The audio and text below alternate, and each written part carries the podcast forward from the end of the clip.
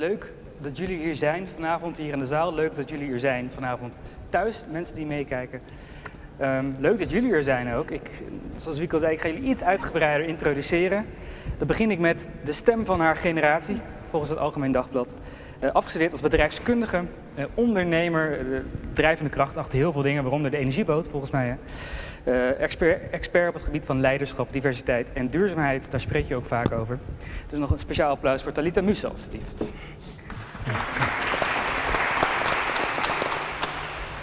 Ja, we kunnen denk ik vrij zeker stellen dat deze man volgend jaar de Tweede Kamer ingaat, mag gaan namens de ChristenUnie. Hij is advocaat, stond al eens in de prestigieuze lijst Forbes 30 Under 30. Uh, mocht u dus trouwens vragen hebben om Nederland beter te kunnen maken, dan kunt u misschien aanspreken, denk ik. Toch? Allerlei ideeën, komt vast goed. Uh, en als hij ergens boos om kan worden, is het wel de schuldenindustrie en de misstanden die daar zijn. Dus graag een applaus voor Don Seder. En uh, tot slot, maar zeker niet het minst, hoogleraar geschiedenis in het verleden ook aan Universiteit van Amsterdam en de Vrije Universiteit. Tegenwoordig decaan aan de University College Utrecht, hier in Utrecht. Uh, en was dit jaar ook voorzitter van de groep die ging over de nieuwe historische kanon van Nederland. Dus ook in die hoedanigheid uh, kunnen we hem vast allerlei vragen gaan stellen. Uh, en daar is trouwens meer aandacht voor het koloniale verleden ingekomen volgens mij in de nieuwe kanon. Dus daar kunnen we het ook zeker over gaan hebben. Nog een hartelijk applaus voor James Kennedy. En nog één keer voor de, voor de duidelijkheid, dit is Mark Maliepaard. Hij zal vanavond de stem van het volk zijn. Dus uh, vragen die worden gesteld online of vanuit de kerk, die komen bij hem terecht. En hij gaat voor u de vragen stellen aan een van hen. Uh, dus mocht je vraag niet beantwoord worden, uh, Mark Maliepaard, die weet daar meer van. Ik wil graag beginnen met cijfers. Ik las het boek van David van Rijbroek, Vlaamse journalist en uh, uitgever. En die heeft een boek geschreven, Revolutie, net uit over Nederlands-Indië. En hij, schreef, hij had daar cijfers aan van YouGov. En YouGov is een soort Europese Maurice de Hond, die, die peilingen doet. Van begin dit jaar, en daar kwam het volgende uit. Onderzoek onder acht landen. 50% van de Nederlanders is trots op ons verleden. 6% schaamt zich voor het verleden. En een kwart, 26 procent, verlangt terug naar de tijd dat wij nog een soort wereldmacht waren. Wat is je eerste reactie op die cijfers, Don? Ja. Um, nou, ik denk dat dat uh, laat zien dat er verschillende gevoelens leven in de samenleving vandaag de dag nog. Dat het juist belangrijk is dat om die reden ook het gesprek met elkaar blijven aangaan.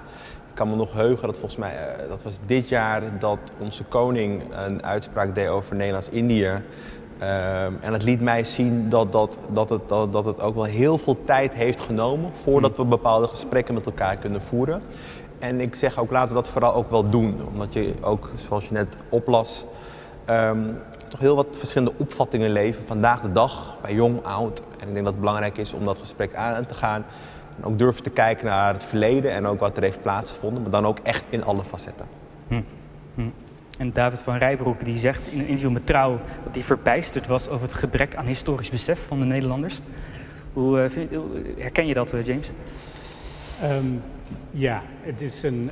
Um, je bent natuurlijk wel bezig met de, de kanon. Je wilt dat het, uh, de historische. De kanon is eigenlijk gericht op het opbouwen van historisch kennis in Nederland. Uh, maar je merkt dat het wel echt heel erg moeilijk is uh, dat, uh, om dat nou eigenlijk succesvol, en dat gaat dus niet alleen over de kanon, maar over onderwijs als geheel, om toch dat historisch besef en historische kennis de, te doen belanden. Mm.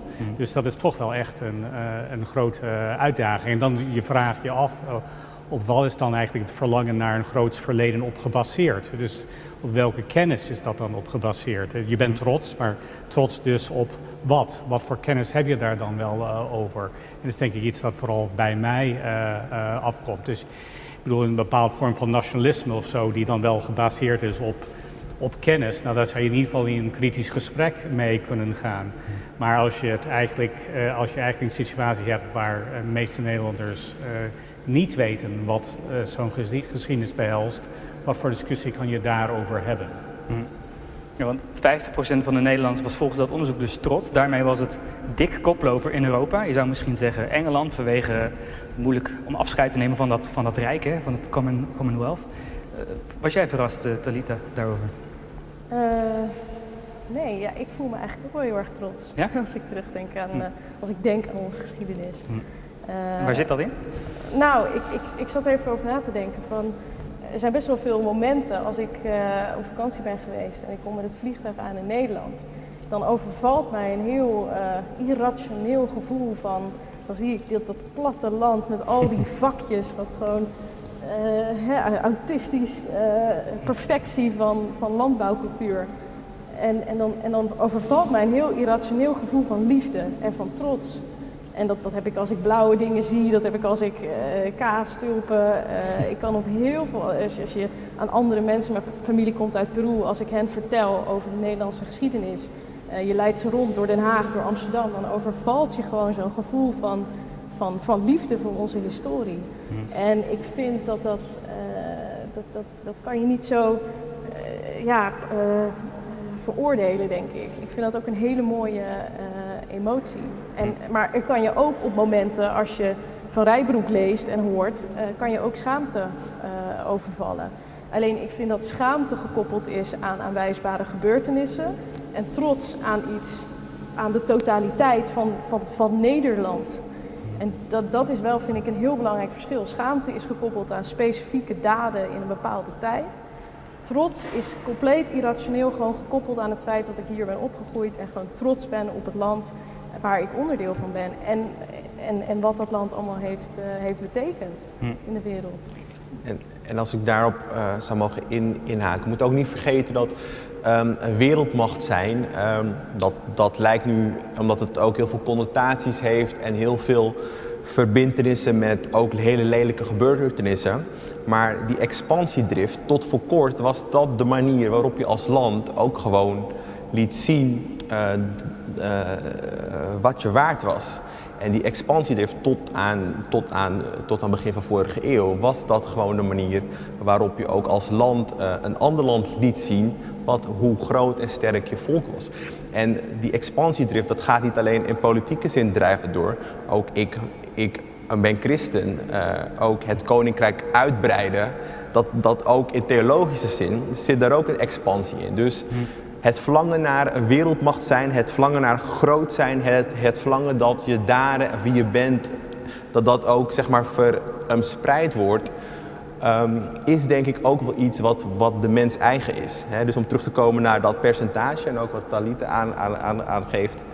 Um, tuurlijk koppelen we het nu ook aan bepaalde negatieve aspecten. Maar het is ook de mens eigen om een bepaalde expansiedrift, ook als land, als natie, als mens, te willen hebben. Het is eigenlijk de laatste decennia dat we daar een andere, nou, ook als ja, wereld, een andere Wat ook, ook, gek is, is dat we het qua geschiedenis, dus als onze nationale staat expansiedrift heeft, dan vinden we dat eng. Maar als je naar de markt kijkt, dan zijn we op heel veel terreinen zijn we nog steeds een wereldmacht. Landbouw, het enige grootste land van de wereld. Uh, de technologie die ASML maakt, zit in alle computers van alles wat wij dagelijks gebruiken. Dus in, in de markt zijn wij nog steeds die wereldmacht ook. Hè? Maar qua de nationale staat, dat, dat, vinden we, dat stukje vinden we eng. Ik denk, ik denk nou, de Amerikaanse filosoof Richard Rorty zei dat eigenlijk als je het land voorwaarts wil helpen, welk land dan ook uh, voorwaarts wil helpen, dan moet je eigenlijk zowel trots als schaamte uh, bezitten. Je moet dan wel beide hebben. Dus die zegt, nou, we hebben eigenlijk heel veel grote dingen bereikt in het land. En daar willen we voor gaan. En willen we voor ook wel het sterker maken.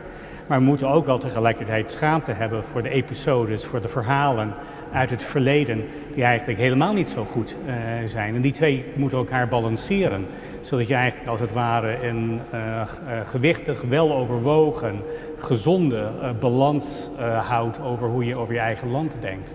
En dus ja, dat Nederlands trots zijn op hun eigen land hoeft niet slecht te zijn, als maar die schaamtecijfers iets omhoog gaan, zou ik zeggen. ja. Ja, want deze avond heet Nationaal Verleden tussen trots, schaamte en verzoening.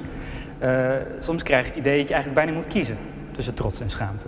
Klopt dat? Heb je dat idee ook? Ja, ik zou dus zeggen van niet. Ik bedoel, ik denk dat je dat, uh, dat deze. En die, ze horen ook wel bij elkaar. Dus ik bedoel, je zegt van ja, je bent trots op je eigen land. En daarom raakt ook de schaamte van bepaalde uh, gebeurtenissen of bepaalde processen.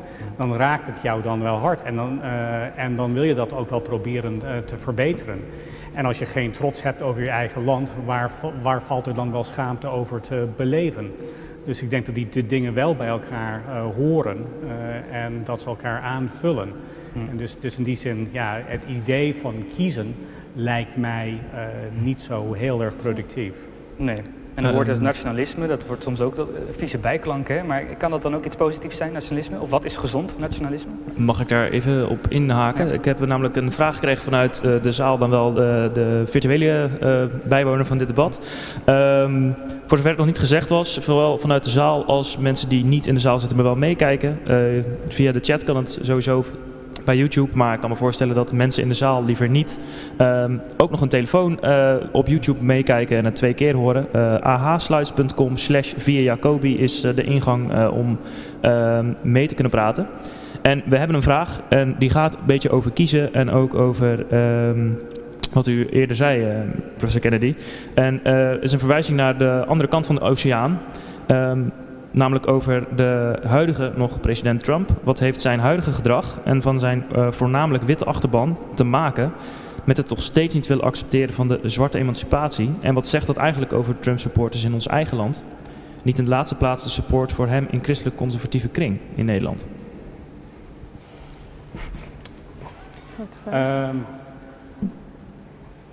nou ja, ik denk een van de uh, um, nou, het, het, geeft wel, ook wel aan dat, um, zou ik zeggen, van dit is wel iets waar, uh, waar het verleden niet voorbij is. Hè. Dus je kunt wel even zeggen van nou, de achterban van Trump, als het gaat over hun uh, denken over ras, heel erg uiteenlopend zijn. Maar een deel daarvan is wel een deel van de bevolking die zich niet heeft uh, verzoend tot zeg maar de gelijkwaardigheid van alle burgers, ook zwarte burgers in de Verenigde Staten. En dat zal dan ook wel bij christelijke conservatieve kiezers ook allemaal heel ver, verschillend zijn. Maar ook een deel van hen hebben daar misschien moeite mee. Maar ik denk dat je dan wel laat zien, en daarom, daarom doet de geschiedenis ertoe dat als het gaat over het bestrijden van racisme, als het gaat over het bestrijden van discriminatie, uh, dat de geschiedenis wel heel erg belangrijk is om te laten zien dat dit wel een proces is die dan wel heel lang duurt en heeft geduurd. En dat een proces is die ook niet voltooid is. is dat, je moet nooit een blik hebben van de geschiedenis, uh, of zeggen van nou ja, dat was toen, dat is allemaal verleden uh, geweest. We hebben nu helemaal geen problemen meer, want dat is natuurlijk wat een aantal mensen ook denken. Maar zeggen nee, het, uh, het, de patronen uit het verleden blijven bestaan in het heden. En, en het is een moeizaam proces waar je dan eigenlijk inderdaad nog altijd voor moet blijven strijden om te zorgen dat dat maar minder wordt. En dat is denk ik iets dat wel uh, belangrijk is. Denk, dus het geeft ook wel, aan dat de geschiedenis wel belangrijk is. Ik denk wel dat het, wat ik heel vaak zie gebeuren is dat de situatie van de VS, ik ben heel benieuwd hoe jullie daar naar kijken, wel zomaar op Nederland wordt geplakt. Terwijl de situatie van de VS met segregatie wel echt en de, en de positie van uh, zwarte mensen in de Verenigde Staten wel echt een fundamenteel andere is dan hoe hier in Nederland met migranten wordt omgegaan, met mensen met een migratiegeschiedenis. Uh, en ik vind dat heel vaak nu in de discussie huidskleur en migratieafkomst allemaal op één hoop uh, wordt gegooid en allemaal hetzelfde wordt behandeld alsof er een soort onderdrukkend systeem is wat dat hier in Nederland, uh, hè, alsof dat het in dezelfde mate voorkomt als in de VS. En dat vanuit daar nu een hele beweging gaande is van schuld en schaamte, uh, die ik zorgwekkend vind. Omdat ik denk dat schuld en schaamte eigenlijk nooit positieve drijvers zijn in de samenleving voor verandering. Uh, ik denk dat we vanuit die schuld en schaamte opeisen. volgens mij willen we er erkenning en begrip maar niet per se meer gevoelens van schuld en schaamte. Want ik denk dat die niet, niet product, uh, productief zijn. Amerika heeft natuurlijk ook alsnog wel een grote invloed op ons. Kijk hoe gefascineerd we waren door de verkiezingen daar. En kijk ook hoe de protesten daar ook naar Nederland zijn gekomen uiteindelijk. Ja, je had die Black Lives Matter protesten in, in Amerika. En je zag daar ook beelden van witte mensen die op hun knieën gingen om, om vergiffenis te vragen. Die beelden riepen heel veel reacties op, waaronder ook veel weerstand. Maar is, is zoiets nou, wat, wat vind je van zo'n gebaartelied? Is dat soort van melodramatisch of is dat toch wel heel belangrijk om zoiets te doen? Nou ja, in de, in de context van de VS uh, is dat heel erg belangrijk. Dan denk ik dat dat, dat dat goed is. Alleen ik denk dat je het niet, van dat je het niet kan afdwingen dat mensen zo'n gebaar maken. Dus als er op dat moment mensen zijn die zich geroepen voelen van ik voel me zo schuldig. Ik heb ook een keer een hele mooie video gezien van uh, blanke Amerikanen die uh, hun excuses maakten aan, aan uh, Indianen, aan de origine originele bevolking in Noord-Amerika. en daarbij huilend en op hun knieën inderdaad zeiden: Wij hebben jullie land van jullie geroofd ja, daar was ik heel erg door geraakt door die video. Maar dat, dat gebeurde, dat, dat, dat is iets dat, dat kan je niet afdwingen. Dat is iets wat wat op dat moment ontstaat en gebeurt. En dat vind ik prachtig, als mensen daar zelf tot dat inzicht komen. Maar ik denk dat je mensen niet moet veroordelen die niet dat inzicht komen. Die zeggen van nou, zover, ik, dat zo'n gebaar, dat ga, ik, dat ga ik niet maken. Dat, ik, ga me niet, ik voel me niet schuldig. Ik denk dat, je dat, dat, dat er, die ruimte er ook moet, uh, moet zijn. En nogmaals, ik denk dat de VS wel echt heel wezenlijk anders is met hun segregatiebeleid en wat daar is gebeurd. Of een apartheid in Zuid-Afrika, ook wezenlijk anders dan wat wij hier ervaren aan discriminatie, verschillende migrantengroepen in Nederland. Dat is, dit is gewoon anders. Nou, dit zijn natuurlijk ook de geschiedenis van migratie in de Verenigde Staten is ook is anders dan de geschiedenis van slavernij uh, in Amerika. Dus ik bedoel, ook in beide landen heb je te maken met migratie. Uh, de geschiedenis van migratie is ook overigens niet zonder discriminatie, ook in beide landen niet, ook hier niet. Uh, dus natuurlijk is het niet allemaal één pot nat, het is een andere geschiedenis. Het zijn een andere samenstelling van afwegingen. Het is natuurlijk wel iets, Nederland heeft een koloniale geschiedenis, op een bepaalde manier uh, die dan de Verenigde Staten dan weer niet heeft uh, gekend. En natuurlijk ook de slavernijgeschiedenis die dan wel in, in de Verenigde Staten zich voordeed. Hebben we ook wel te maken gehad met in het Caribisch gebied en in Zuid-Amerika ook in, het Nederland, in de Nederlandse geschiedenis. we kunnen ook wel de geschiedenis van de Oost over de slavernij daar. Dus dus het is wel, er zijn wel belangrijke parallellen. De manier waarop deze samenleving dit, deze erfenissen, deze ingewikkelde erfenissen moeten zien bewerken.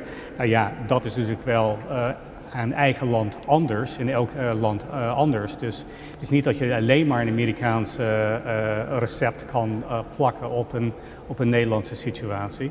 Maar ik denk, maar ik weet niet wat je daarvan vindt. Ik zeg maar toch wel die resonantie bij Black Lives Matter in Nederland geeft misschien wel aan dat er wel ook hier iets aan de hand is. Of is dat allemaal, is dat allemaal gewoon als het ware een soort uh, gewoon Amerika nadoen zonder nee, na te hebben dat, gedacht? dat denk ik echt niet. En ik, ik ben zelf ook naar de Black Lives Matter demonstratie in Rotterdam gegaan. Omdat het ook resoneert. En je gaat zelf terugdenken, hey, wanneer heb ik discriminatie in mijn leven ervaren? En opeens voel je je gesterkt door mensen die je kent, die je daar naartoe ziet gaan en denkt, dit is heel belangrijk dat wij laten zien dat er in onze persoonlijke verhaal, in hoe ik hier ben opgegroeid, bepaalde deukjes waren uh, die ik voor een volgende generatie hoop dat die er niet zijn. Um, maar ik vind dat je als plicht hebt als activist om die wel specifiek te kunnen benoemen. Uh, dus wel specifiek te kunnen zeggen in het onderwijs of in de woningmarkt of in bepaalde uh, specifieke punten, daarin ervaar ik die discriminatie. Uh, en daar moeten we op deze en deze manier iets aan doen. Ik vind dat je wel die oplossing moet aandragen. En wat ik wel heel erg zie gebeuren, is dat er is gezegd: slavernij is een wit probleem. En daar ben ik wel erg benieuwd, jij als historicus, volgens mij hebben we in de wereld een slavernijprobleem gehad. Sterker nog, we hebben nog steeds moderne slavernij op heel veel plekken. En heeft dat niets met huidskleur te maken. We hebben gewoon als mensheid de hele geschiedenis lang, al sinds de tijd van de Bijbel en daarvoor, slaven gehad altijd uh, overheersende volken, die onderdrukkende volken, goedkope arbeidskracht, nou, et cetera, et cetera. Uh, dus het is, niet een wit, het is niet een witte schuld dat we slavernij hebben. En dat vind ik wel heel belangrijk, dat we zorgvuldig zijn in het benoemen van de problemen. Want als we dat niet doen, verergeren we denk ik de spanningen en de polarisatie in de samenleving. Dat, dat is wel wat mij, wat mij soms stoort aan de, de beweging en discussie waar we in zitten. Want uh, als je dan kijkt naar...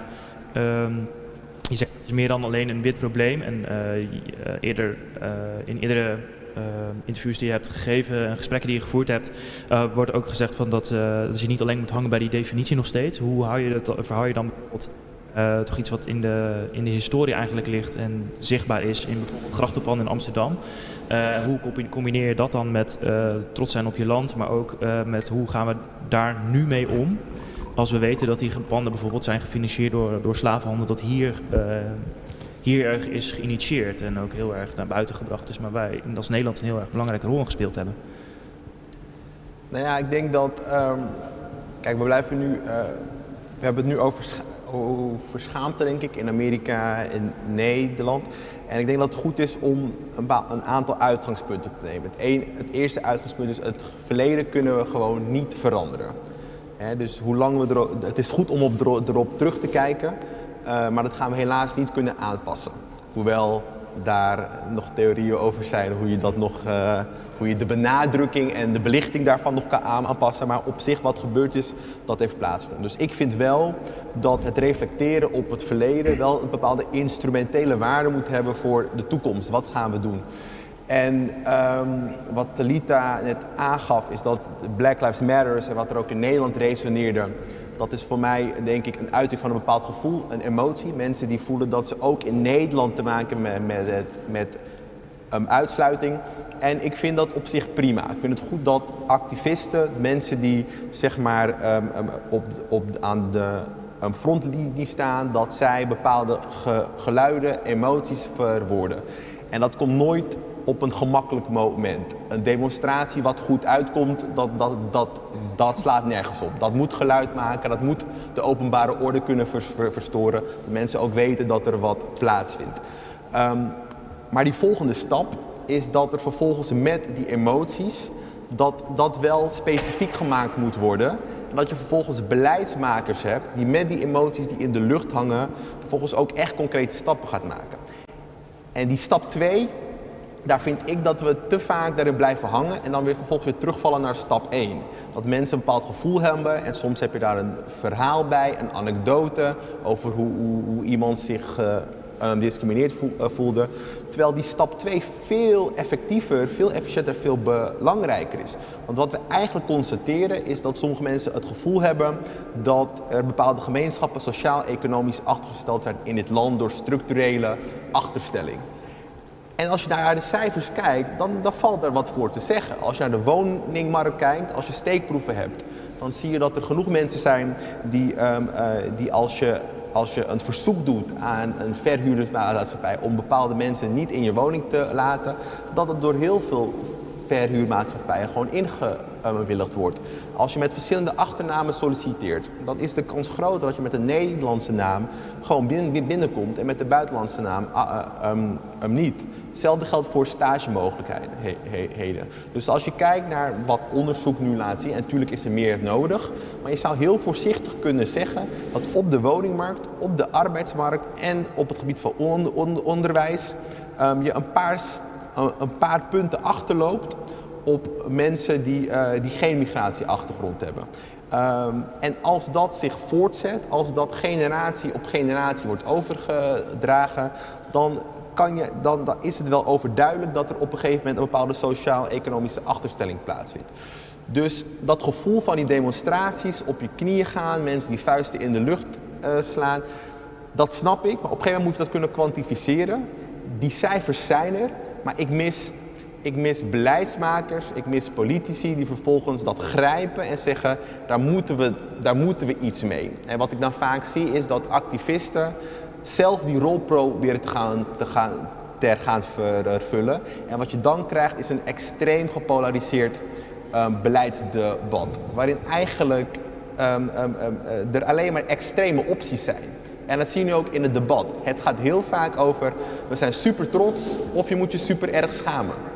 Kan het zo zijn dat er gewoon een nuance is en dat er inderdaad ruimte mag zijn en moet zijn, denk ik, van trots. Omdat je ook niet blind moet, moet, moet, moet staren op de situaties die nu of in het verleden gewoon minder goed gaan. Maar, maar ligt daar ook niet verantwoordelijkheid bij activisten om ook die. Uh, want heel vaak zeggen activisten: nee, je mag me niet aanspreken op de toon waarmee ik dingen doe.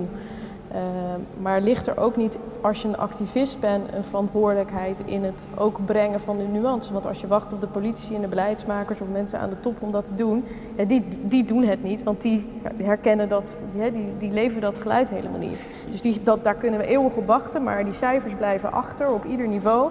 Daar zit niet die intrinsieke motivatie om het te doen en die hebben de hulp juist nodig van activisten om met die concreetheid te komen in die oplossingen.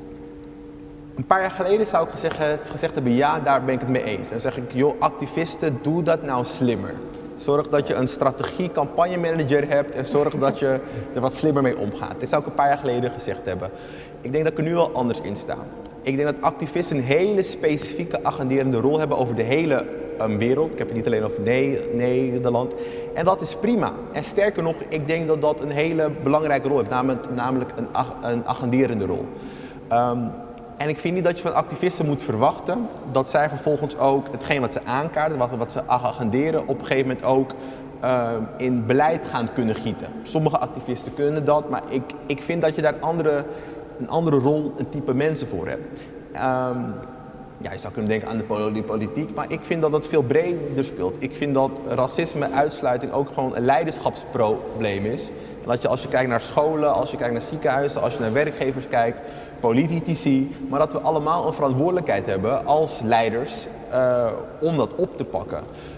Um, maar jij zegt stap 1 is dat, dat protesteren of dingen aankaarten. Ja, maar dat stap doen we al. Maar dat ja, doen zeker, we al zeker. heel lang. Maar stap 2, dat, die blijft dan uit, zeg je? Dat blijft, dat blijft Maar structureel waar, waar ligt dat dan aan?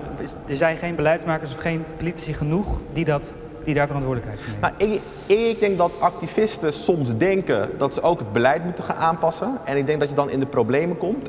Dus dat is één. Ik denk dat, dat, dat je volgens mij ook verschillende mensen in verschillende rollen en hun verschillende krachten moet laten kunnen opereren. Dus, dus, dus dat is één. Ehm, en ik denk ten tweede dat, het ook, dat er ook een leiderschapsvacuum is van beleidsmakers om gewoon te zeggen, die opstaan en zeggen, joh, dit is misschien niet het meest aantrekkelijkste verhaal, maar dit, dit is volgens mij wel het juiste verhaal. En dat is een verhaal met nuances. En wat je nu ziet in de politiek, is dat niet inhoud overheerst, maar heel vaak toon en beeldspraak. Ehm, waardoor waardoor eh, je eigenlijk een self-fulfilling prophecy hebt, waarbij het steeds extremer wordt. Want hoe, als je, eh, omdat je moet steeds extremer worden om gehoord te worden.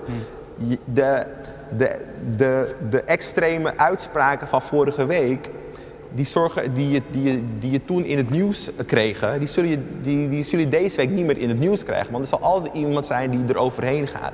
En dan heb ik het over zowel links, hè, mensen die zeggen, eh, eh, mensen die, die vinden dat, dat, dat zeg maar, we allemaal een soort collectieve deken van schaamte over zouden moeten dragen. Of tot de andere kant, joh, er is helemaal niks aan de hand. En ik vind het heel kwalijk dat jullie dit zelfs durven te insinueren. Ehm, als, je, als je die geluiden de ruimte laat, omdat er niemand is met de lef, de moed om ertussen te stappen en zeggen: joh, volgens mij is het gewoon dit. Met het risico dat je niet gehoord wordt, dat je niet, dat je niet meedraait met, met de geluiden die wel opgepakt worden, dan wordt het een steeds extremer verhaal. En volgens mij zitten we in een steeds extremer verhaal in Nederland. Maar ligt Oh. dat echt niet eh, echt aan activisten zelf? Want ik heb echt het idee dat Nederland juist heel veel behoefte heeft aan nuance. En ik denk, vind dat er altijd zo wordt gezegd van ja, mensen willen alleen maar de extreme, de media willen alleen maar de extreme. Terwijl juist gewoon 95% van de mensen in Nederland is super redelijk. Dat zie je ook in de cijfers rondom Zwarte Piet. Maar ieder jaar neemt het animo daarvoor af en hebben, zijn mensen gewoon uit beweging tot inkeer gekomen. Het meeste deel van de Nederlanders maakt er niet heel veel uit, zolang het maar gewoon nou, hè, een beetje eh, eh, nog Sinterklaas kunnen vieren. En dan passen we er toch wat aan. En er zijn alleen maar een paar uiteinden die heel fanatiek in die discussie zitten. En ik vind dat de activisten daar juist een soort hele militante tak gaande van activisten die eh, met symbool voorstellen komen als beelden weghalen, straatnaambordjes ver- verwijderen, met echt symbolen komen waarmee je in één keer alle veranderingsbereidheid die er in de samenleving is om juist het geluid vanuit de positie van eh, migranten over discriminatie op al die concrete dingen die jij noemt, aantoonbaar met feitelijk.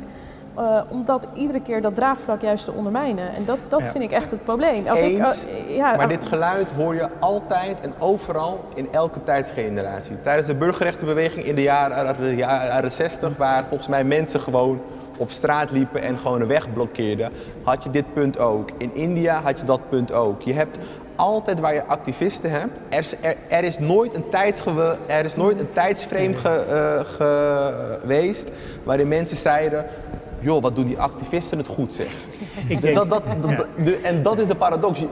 Fair point. Nee, dit, dit, dit geluid heb je altijd. het, is, het is wel, het is ook zo. eh, het is wel, maar dat heb jij ook aangegeven, Don. We zitten gewoon wel eh, in een tijd waarin deze issues vaker opspelen eh, dan 10 of 20 jaar terug. Dus we zijn eigenlijk wel, we zijn nu wel in een, in een periode van de Nederlandse geschiedenis waar dingen meer op scherp staan. Waar de polarisatie zoals je zelf aangeeft, ook wel meer voor de hand liggend is. Van zowel activisten, maar ook van de zo, zogenaamde gevestigde politiek.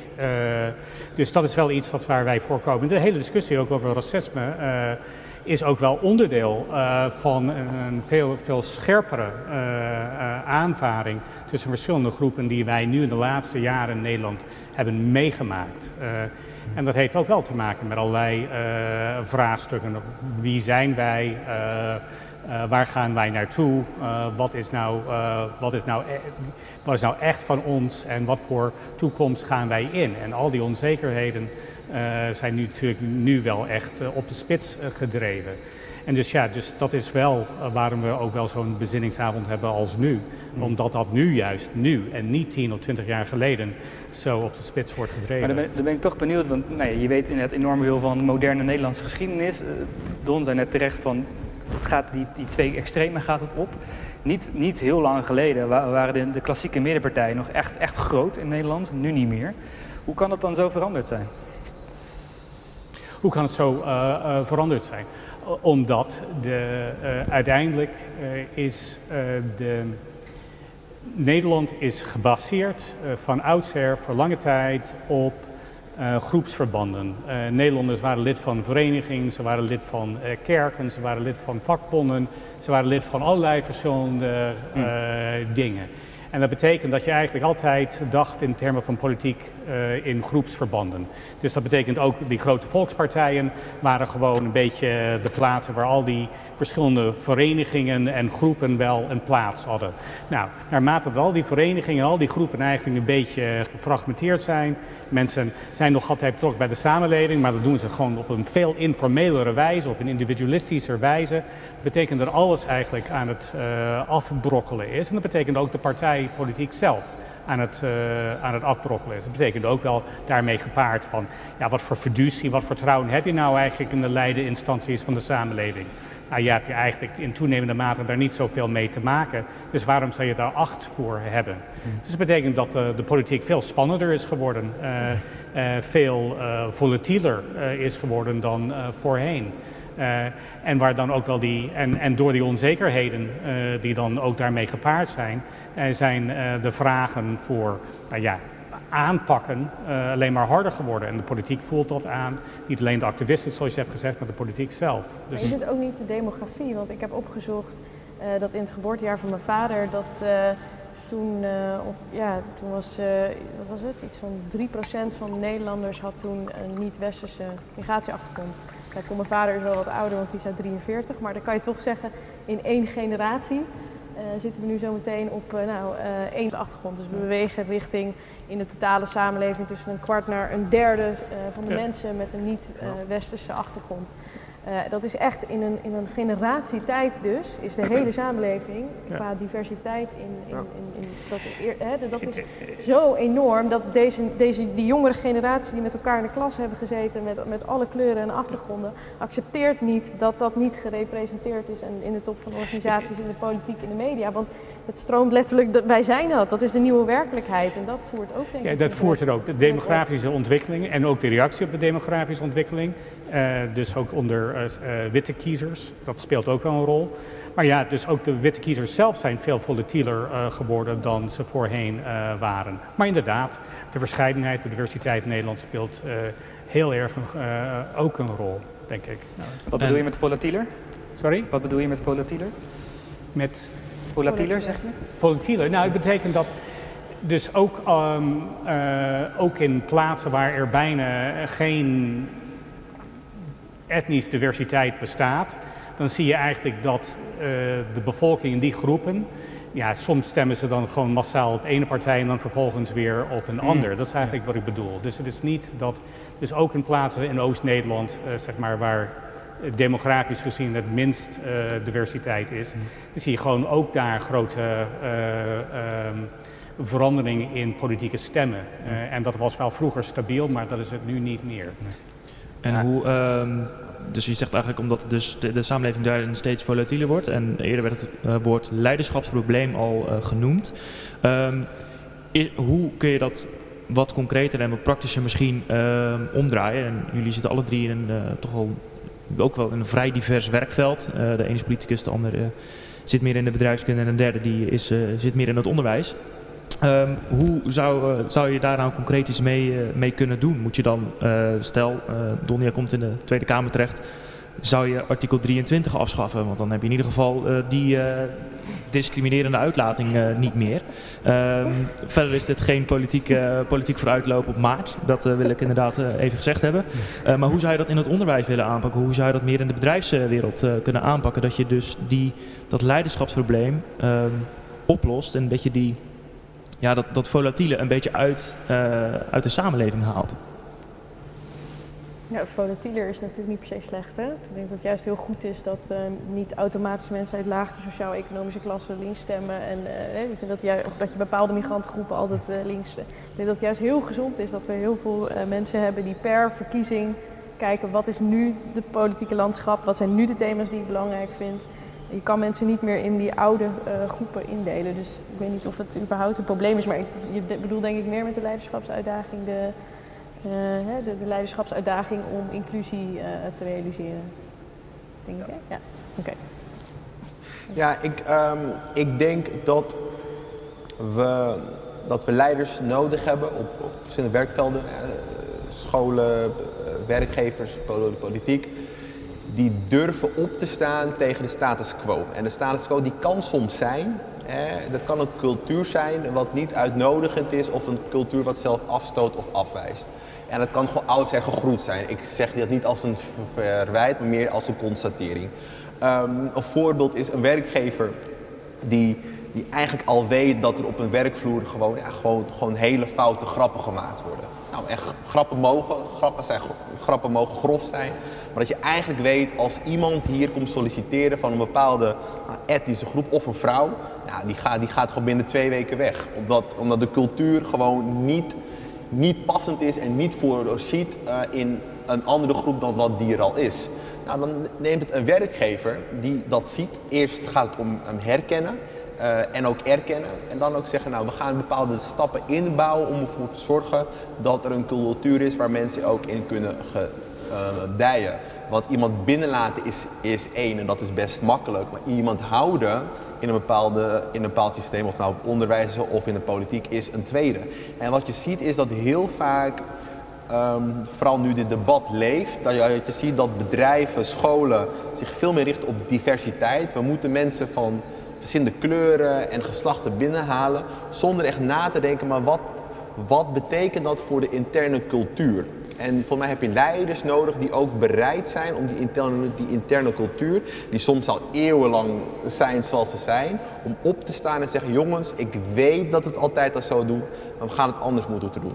En uh, dat bedoel ik met het leiderschap. Omdat als je dat niet doet, dan zullen mensen altijd komen, maar binnen de kortste keren uh, zullen ze weggaan door de onbewuste en de onzichtbare dynamieken die er plaatsvinden, waarin je eigenlijk zegt we zien je wel, maar, maar we, er, is geen, er is geen acceptabele um, ruimte. En, um, Mag je dan vragen, of moet je misschien zelfs vragen dan van huidige leiders om actief opzij te stappen? Nou, ik vind, ik vind uh, dat hoeft niet per se. Maar wat ik wel denk is dat heel vaak zijn leiders, dat zijn vaak de mensen die er al het langste zitten. Hmm. En dus gewoon menselijk gezien uh, waarschijnlijk uh, de minste de minste slagingskans hebben op een, op een mentale, op een mentale verandering om zo'n cultuur tot stand te kunnen brengen. Hmm. Um, daarmee zeg ik niet dat iedereen gewoon moet opstappen, maar, maar besef wel dat uh, sommige mensen die er al het langst zitten, met name dus ook de reden kunnen zijn waarom een verandering um, niet op die wijze tot stand kan komen. Dus het is ook heel gezond, daarom zeg ik ook vaak, inclusie op de werkvloer vind, is mooi, maar vind ik niet zo interessant inclusie in de raad van besturen, in, onderwijs, in commissies, in selectiecommissies, vind ik veel interessanter. Omdat je dan mensen aan de top hebt, mensen die meedenken over de organisatie, over beslissingen. En op een gegeven moment dan, dan ook van de top een bepaalde cultuur tot stand kunnen um, brengen. En, en, en, en daarom pleit ik daar ook voor. We hebben het nu over dat ik op de kandidaten, ik, ik sta op de kandidatenlijst. En er is de afgelopen dagen heel veel discussie over diversiteit op de kandidatenlijsten. Ja, leuk. Ik vind dat niet zo interessant, iemand met een kleur op een lijst. Laat me zien wie je besturen zijn, laat zien wie je selectiecommissies zijn. Omdat ik dan ook zie of je intern bezig bent om echt ook een cultuur te bewerkstelligen. Waar er ook echt ook ruimte is voor verschillende mensen. Waarbij je ook ruimte voor één, de trots, absoluut. Maar ook durft te erkennen dat je als organisatie, vereniging, als, als school, als kerk, als politieke partij gewoon punten hebt waar je aan moet werken. En dat is uh, denk ik gewoon een proces die we in moeten gaan. En dat vraagt moed en leiderschap. En blijkbaar ook ontzettend veel geduld. Is dat er dan een keer dan, want ik weet bijvoorbeeld van ja. een vriendin van mij die, uh, die, die, die, soort van pioneert als eerste niet-wit iemand in een organisatie. Dat het ook wel soms heel heel vermoeiend is om dat te zijn. En dat, dat, Zeker. dat het dan ook, en dat er ook veel van haar gevraagd wordt, wat misschien niet terecht is, want ze wil gewoon werken.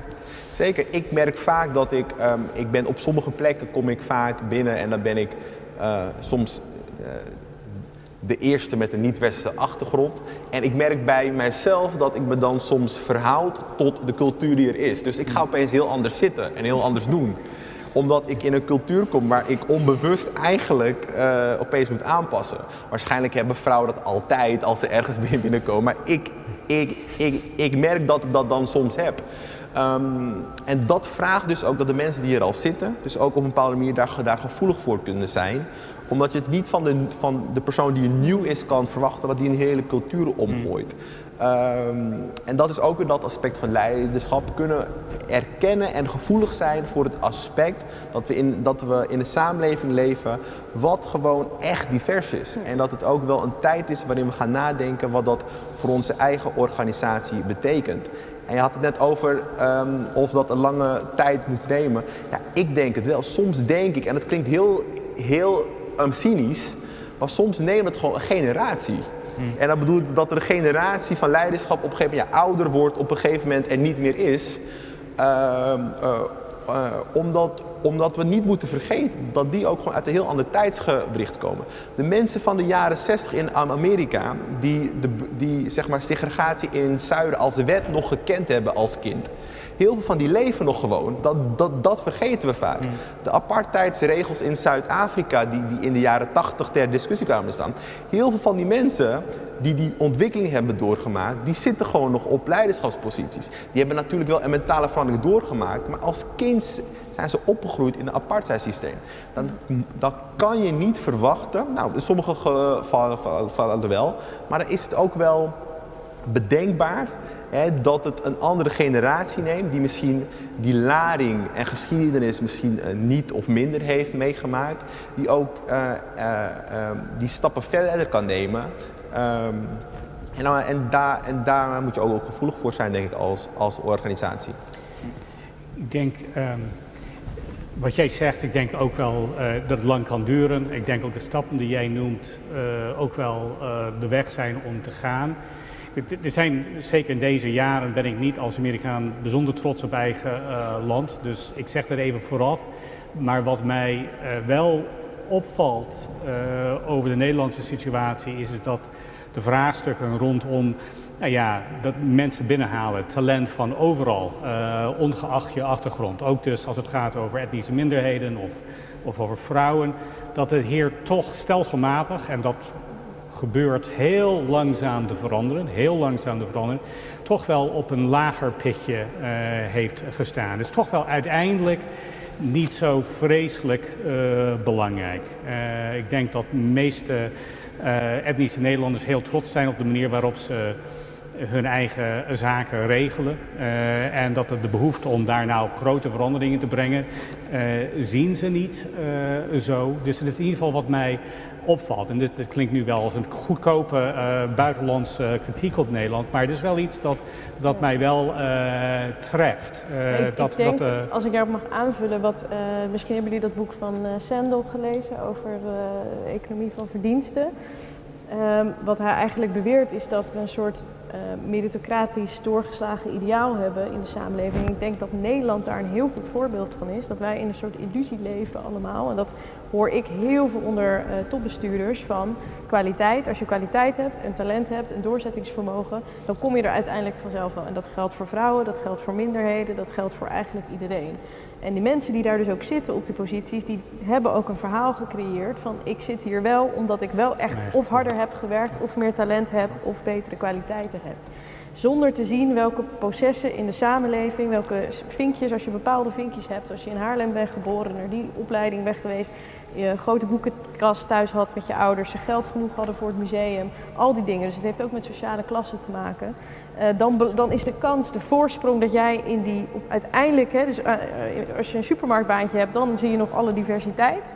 Maar als naarmate je naar de plekken van macht gaat, naar bestuurlijke invloed, dan in één keer, dat zie je ook in organisaties vanaf een beetje hoger managementniveau, in één keer verdwijnt al die diversiteit. Want dan beginnen die sociale codes te gelden. Dan beginnen die dingen waar jij het net over had, zeg jij uh, ijskast in plaats van koelkast. Dat is dat topbestuurders zeggen dat daar en weet ik of jij er een van mij bent of niet.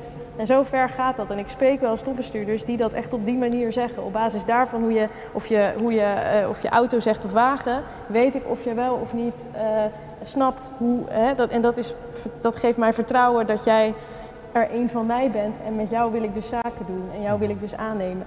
En ik denk echt dat die sociale codes, uh, we, we, doen in Nederland alsof we heel egalitair zijn en dat is er allemaal niet. En als je maar hard werkt, dan kom je allemaal wel naar die top op eigen verdiensten en kunde. Maar ik denk dat stiekem die sociale codes, zeker in de hogere echelons van onze samenleving, een onwijze uitsluiting. En dan hebben minderheden en vrouwen een onwijze achterstand om in te halen. Want wij zijn niet opgegroeid in heel vaak migrantenfamilies waar niemand op dat soort posities. Dus je, hebt die cultuur niet, je hebt die taal niet, je hebt die sociale codes niet. Uh, en er is nergens een handboek te koop waar je ze kan leren, want we doen alsof ze niet bestaan. En dat is denk ik wel echt, uh, echt problematisch. En dan kom je bij zo'n bij zo'n pijnlijk feitje dat je bij de topbedrijven in Nederland meer CEO's hebt met de naam Peter dan dat er CEO's zijn die vrouw zijn. Bijvoorbeeld, ja. Mm -hmm. ja. En, ja. Want, ja, en misschien kom je dan toch uiteindelijk weer bij het befaamde Q-woord terecht, quota. Uh, hoe, hoe, belangrijk is dat? Is, dat? is dat een oplossing voor iets? Nou, ik beantwoorden toch? Nou, ik ben, ik, kijk, ik ben in principe heel erg tegen quota. Uh, omdat ik denk dat het een onwijs uh, discriminerend uh, paardenmiddel is. Dus ik zou altijd zoeken naar middelen die niet ook discriminerend zijn. Ook omdat ik denk dat er heel veel relevante diversiteit is. Dus je begint met quota voor vrouwen, dan krijg je culturele en etnische achtergrond. Bedrijven mogen overigens niet eens bijhouden intern. Dus ik had gisteren nog een call met, met een heel grote Nederlandse werkgever ja, we weten niet welke verschillende etniciteiten we hebben, want we mogen dat niet registreren. Uh, dus het is, het is vrij problematisch, want voor welke diversiteitshokjes ga je dan zeg maar quota uh, uh, aannemen. Dus, maar wat ik wel zie is dat er tegelijkertijd echt, het gaat echt te langzaam. En ik, ik denk dus wel dat het sneller dan een generatie kan en moet, want als we nog een generatie wachten, uh, groeit er een hele generatie op die, uh, wiens talent gewoon ontkend wordt en niet op de plekken en de positie terechtkomen die ze, waar ze gewoon verdienen terecht te komen. Dus dat er iets moet gebeuren, uh, ja, dat, dus misschien uiteindelijk dan wel, wel quota. Ik vind het gewoon een duivels dilemma. Ja. En um, hoe denken jullie alle drie dat er, um, of daar ook een bepaalde rol weg ligt voor ofwel alleen een nationaal verleden, dat we daarnaar kijken en daar onze lessen uithalen en daar uh, op voortbouwen. Of dat we misschien ook verder moeten kijken en inderdaad een soort gedeeld verleden moeten zien. Uh, en kan het een verleden zijn met gedeelde bronnen van inspiratie? Of moeten we gewoon het oude vervangen en eruit gooien en dan een hele nieuwe identiteit creëren, waarin we als het ware niet meer uh, kijken van ja, er waren wel geen quota, dat was het probleem vroeger en we gaan nu allemaal in één keer helemaal opnieuw doen. Zou dat überhaupt kunnen? Of moeten we dat samen doen? Of moeten we dat binnen onze landsgrens houden? Nou, ik vind dat um, bijvoorbeeld de discussie over CO2, um, daarvan wordt gezegd, elk land die moet nu minder CO2 gaan uitstoten. Daarvan zeggen sommige landen, bijvoorbeeld China, hallo, jullie hebben een paar eeuwen voorsprong gehad, laat ons nu even, even meters maken. Dus met andere woorden wordt, wordt eigenlijk gezegd, vergeet de historische con context, we staan nu voor een globale uitdaging. Dat wordt door sommigen gezegd. En andere landen zeggen nee, je moet juist wel kijken. En daardoor, en daardoor zouden jullie meer verantwoordelijkheid nu moeten te nemen voor de, uh, in, uh, in tegenstelling tot andere landen. En, en ik vind het wel een voorbeeld van, van, van, van ook hoe je naar eh, dit soort situaties zou moeten kijken. Namelijk, het verleden is gewoon gebeurd. En uh, dankzij het verleden zitten wij allemaal gewoon ook nu hier en kijken wij. Dat heeft gewoon te maken met het verleden. Je kan niet zeggen dat heeft niet plaatsgevonden en je kan ook niet zeggen dat heeft geen effect voor wat we vandaag de dag vandaag doen.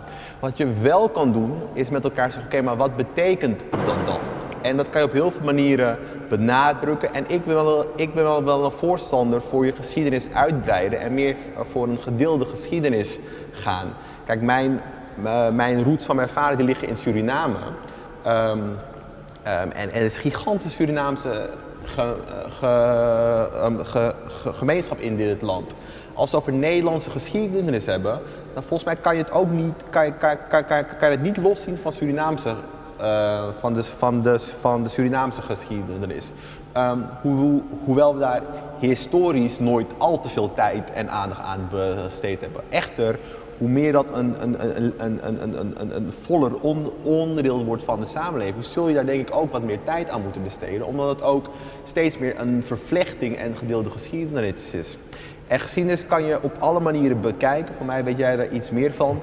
Um, maar, je, uh, maar, een voorbeeld daarvan is, um, is de slavernijverleden. Dat is wat mij betreft een zwarte bladzijde, absoluut. Um, van mijn familie heb ik wel altijd geleerd dat uit die moeilijke situaties, hè, toen, toen, toen mijn voorouders toen die slaaf waren en niets hadden, hadden, die hebben op een gegeven moment van niets iets gemaakt. En van dat niet iets als het gaat om cultuur, als het gaat om muziek, als het gaat om eten, als het gaat om overlevingskansen. Dat is de Surinaamse gemeenschap. Dat is de Surinaamse cultuur en daar mag je trots op zijn. Dat draag jij de dag vandaag met jou mee. Dus ook een gitzwarte bladzijde kan voor een andere gemeenschap, aan, uh, die, die, zeg maar, wie het is overkomen, kunnen daar ook heel veel verhalen van hoop en inspiratie en doorzettingsvermogen en, en overlevingskracht uit voortvloeien. Um, dus die geschiedenis is, is, is heel dynamisch en daarom denk ik, breng dat ook samen, vervlecht dat en uh, leer dan ook te spreken van een gedeelde geschiedenis die we met elkaar hebben. Want die is gewoon interdimensionaal en die kan je van heel veel aspecten be bekijken. En doe, doe dat dan ook. Ik, ik, ik, vind dat mooi gezegd. En natuurlijk ook een van de dingen we hebben geprobeerd. Er zit net wat meer Surinaamse geschiedenis nu in de Nederlandse kanon dan, dan voorheen. Uh, maar ik, zou, als het gaat natuurlijk, ik bedoel, alles moet opener uh, zijn. we zijn dus in die zin als de hele bedoeling van een, van een geschiedenis moet niet zijn, en dat is dus om iets vast te leggen. Zo zijn wij, dit zijn wij uh, en daarmee, uh, uh, daarmee is alles klaar. Alles is klaar, want we hebben dit nou eigenlijk vastgenageld aan, aan een gemeenschappelijk verleden. Daar, daarvoor is het studeren van geschiedenis niet voor. Het moet zijn juist om bepaalde nieuwe perspectieven te openen. Dus inderdaad, het kan over nationale grenzen heen. Moet denk ik ook wel vaak over nationale grenzen heen. Dus het gaat over die opening naar ook wel kijken naar een gedeelde verleden, gedeelde thema's. Daar gaat het dan eigenlijk om. Nationale geschiedenis kan daar een vehikel voor zijn. Het geeft een aantal concrete voorbeelden die dan ook wel ertoe hebben gedaan in een bepaald land. Maar dat is niet het doel, uh, dat is niet het doel op zich. Het gaat eigenlijk, uh, geschiedenis gaat altijd over het openen van uh, vergezichten. en, en dus dat wij dan eigenlijk de verbondenheid met anderen zien dat wij niet eerder hebben gezien.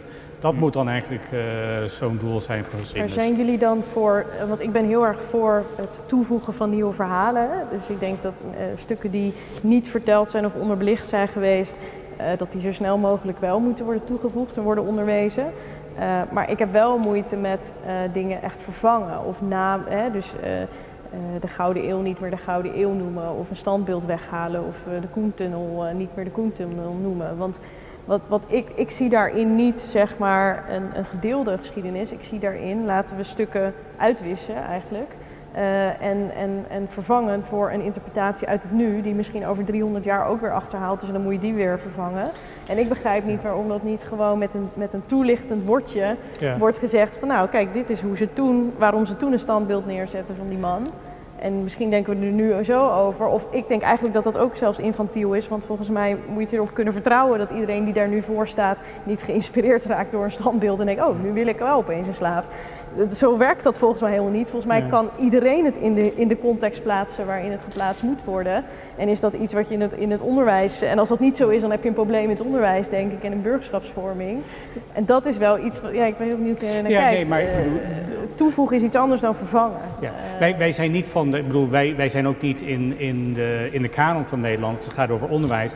Wij zijn niet van de zwarte bladzijde. We zijn ook niet van uh, zeg maar de, alleen maar de, de gouden, gouden eeuwkant de hele geschiedenis moet worden belicht. Dus dat betekent de geschiedenissen die dan ook wel te maken hebben met Koen, uh, met slavernij, die moeten er ook wel in naast. Ook wel, de, ook wel echt de toppunten uh, van de Nederlandse geschiedenis. Het moet allemaal uh, daar wel in zijn. Dus het gaat niet over de een uitwisselende de ander. Standbeelden is een interessanter vraag, want standbeelden is niet, is niet bedoeld als onderwijs. In eerste instantie is eigenlijk meer bedoeld om bepaalde inspiratie te geven. Maar ja, als je standbeelden kan gebruiken, zoals jij dat net noemt, uh, ter educatie, ter reflectie.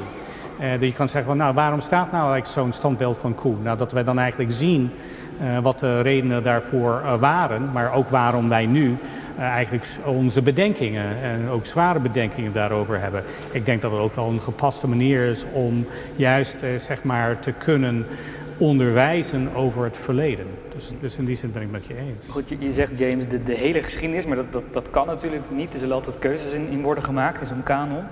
Uh, hoe maak je die keuzes dan? Hoe bepaal je wat je nou wel meeneemt en niet meeneemt in zo'n kanon?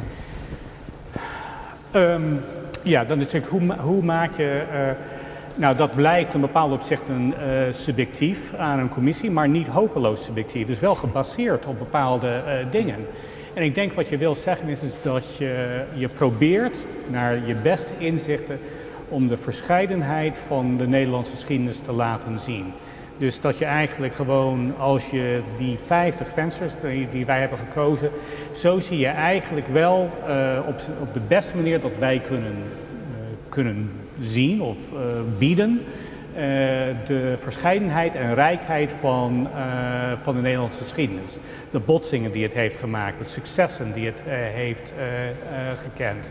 Dat is denk ik eigenlijk vooral wat wij willen doen. En dan een secundaire afweging is natuurlijk, en dat is maar een secundaire afweging, is, is dat ook als het ware mensen van verschillende plumage in Nederland allemaal hun eigen toegangen hebben tot de Nederlandse geschiedenis. Dat ze dan geïnspireerd raken door bepaalde uh, personen of gebeurtenissen die wij naartoe hebben gebracht. Maar natuurlijk niet dat ze daarbij blijven hangen bij dat ene venster die hen dan aanspreekt, maar dat eigenlijk een toegang wordt tot die verschillende en verschillende verhalen die we dan hebben, dat wij dan bieden uh, over de Nederlandse geschiedenis. Maar dat is eigenlijk vooral waar het uh, bedoeld is. Is dat we eigenlijk de breedheid en de, diep, uh, de diepte van de Nederlandse geschiedenis in 50 vensters zo mogelijk proberen te hm. representeren. Want een van de keuzes die is gemaakt is om Anton de Kom toe te voegen. Ja. Is, is, dat ook heel belangrijk, Don, ook als we het over representatie hebben, dat, dat, dat, dat dit dan een officieel onderdeel is, als het maar zo te zeggen, van, van die geschiedenis? Ja, ik, ik was wel blij toen ik dat las, ja. Dus dat was wel mooi om te zien ook dat ook een Surinaamse hè, man, maar ook een verzetsheld uh, in, in die opzichten ook, ook een bepaalde plek krijgt in de Nederlandse kanon. Dat zegt op meerdere vlakken, zeg, zegt het wat. Mm. Dus uh, ik, ik, ik ben blij met de aanpassingen, ja. Ja, zeker, zeker. Ik, um, la, het laat meer perspectieven zien. Dat is ook heel mooi dat het aangeeft. Geschiedenis misschien moeten we ook gewoon accepteren dat zijn gewoon verschillende perspectieven. En, en misschien, misschien moeten we ook accepteren dat er gewoon ruimte voor mag zijn. En uh, dat Nederlandse geschiedenis van ook, ook maar een bepaald perspectief is als je naar, een wereld, naar het wereldbeeld kijkt. En uh, voor de een is een nationale held aan de andere kant van de wereld gewoon een, een eeuwenoude plunderaar, een misdadiger, iemand die familiespijn heeft gedaan. Maar het kan beide waar zijn vanuit verschillende perspectieven. En misschien moet dat ook gewoon accepteren. In plaats van hè, ons perspectief willen opdringen op de ander en zeggen het is alleen maar zo. En dat is. Um, ik snap dat je bij een kanon toch wel, toch wel een bepaald perspectief moet kijken. Uh, maar dat vertrekpunt vind ik goed, dat we daar ook wat uitbreiding en verbreding in gezocht hebben. Ja. Zou je dan eens in de tien jaar uh, een aantal vensters ehm, dichtmaken en nieuwe openzetten. En ehm, ook een vraag vanuit de zaal, eh, en die is misschien wel leuk voor alle drie. Eh, welke zou je dan absoluut willen toevoegen uit de verhalen die je zelf kent of uh, bij geschiedenis ergens in de marge hebt gelezen? Wat zou wat toevoegen, stel je verandert de kanon over tien jaar opnieuw, wat zou je dan ehm, variëren? Oké, nou ik bedoel, uh, ik heb net de kanon gemaakt en uh, dus, net dus ik wil op dit moment helemaal klaar. Dus, uh, dus ik hoor graag van andere twee wat zij dan wel daarbij zouden willen zien. maar wat ik wel kan zeggen is, is dat we hebben ook wel nadrukkelijk ook aan de minister aangegeven dat we willen dat er herziening elk tien jaar gebeurt. En dat vonden sommigen al niet erg leuk. Want ja, ik bedoel, een kanon een kanon, dan moet je er wel vastleggen. En, uh, en waarom, ja, als je een kanon eenmaal hebt, het is een beetje een soort bijbel, uh, dan mag je daar eigenlijk geen letter aan toevoegen. maar zo denken we niet over de kanon. De kanon moet ook wel mee met de tijd en dat je en ook wel met voortschrijdende inzicht in de geschiedenis. Dat we dan op bepaalde opzichten misschien ook wel dingen net wat duidelijker of beter zien, hopelijk. Zeker in ieder geval anders. Uh, maar dat is denk ik ook wel wat de waarde van zou zijn. Wij hebben tien inderdaad dit keer wel veranderd. maar het is niet dat wij per se denken dat het volgende keer tien moet zijn. Ik denk dat we het allemaal heel vlijend zouden vinden als er helemaal niks meer verandert in tien jaar. maar dat verwacht ik, ik niet. Hoop het. Ja, ik, vind, ik heb wel een beetje moeite namelijk met die vraag. Want ik uh, vind dat de kanon niet een soort... Ik ben altijd heel erg voor democratisering en inspraak. Maar ik vind dat als er één ding is wat niet uh, de hele tijd moet reageren... op wat allerlei groepen in de samenleving in die kanon terug willen zien van zichzelf dan is het denk ik wel hè, het, geschiedkundige vak. Ik vind dat experts, mensen die ervoor hebben gestudeerd en zich hebben verdiept in de Nederlandse geschiedenis, daar zoveel meer uren aan hebben besteed van hun tijd dan, dan ik, uh, een veel betere uh, afweging kunnen maken van in, het, in eerste geval gewoon het verhaal van de Nederlandse geschiedenis uh, geschiedkundig en getrouw zo goed, mogelijk vertellen. En ik vind niet dat het een soort van keuzeshop uh, menu moet zijn, dat iedere groep... Kijk, want ik kan ook zeggen, ja, ik vind het belangrijk dat de, de, de geschiedenis van Peruanen in Nederland ook in de kanon belandt. Maar het is gewoon totaal niet relevant voor Nederland, onze aanwezigheid, zeg maar. dus het zou gewoon ridicuul zijn om, de, om die aanwezigheid terug te zien in de kanon. Uh, en ik, ik, ik vind dat het, ja, ik heb dus echt wel een beetje moeite ermee dat dan mensen gaan zeggen, ja, maar dit moet er ook in. En ook Chinese migranten in Nederland en die en die en die en die en die. Uh, nee, ik denk dat dat, dat dat echt veel te ver gaat. Ik denk dat historici moeten bepalen wat geschiedkundig gezien de relevante gebeurtenissen zijn uit onze geschiedenis. Uh, en daar vertrouw ik op dat daar een bepaalde neutraliteit in zit. En tuurlijk dat zo'n commissie ook zijn eigen achtergrond en voorkeuren heeft. Ja, oké, dat, dat zal. Dus laat je daarin inderdaad inspireren door het maatschappelijk debat. Uh, maar ik vind het nu doorslaan dat heel Nederland en in de publieke opinie gaat. Ik, het zou, ik vind het vervelend dat dat uw werk dan zo opeens politiek sensitief dan ook maakt. Want dat zou het, vind ik, echt niet moeten zijn. daar vindt er zou een gezonde afstand wat mij betreft in moeten zitten. Dat, dat jullie bepalen wat onze Nederlandse geschiedenis is en hoe die in de kanon belandt.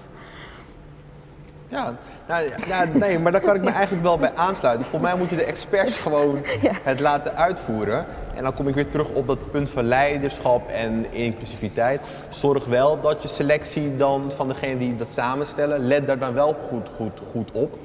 Uh, maar laat vooral de historici uh, dat uitvogelen. Dus, dus, dus uh, daar heb ik het volste vertrouwen in.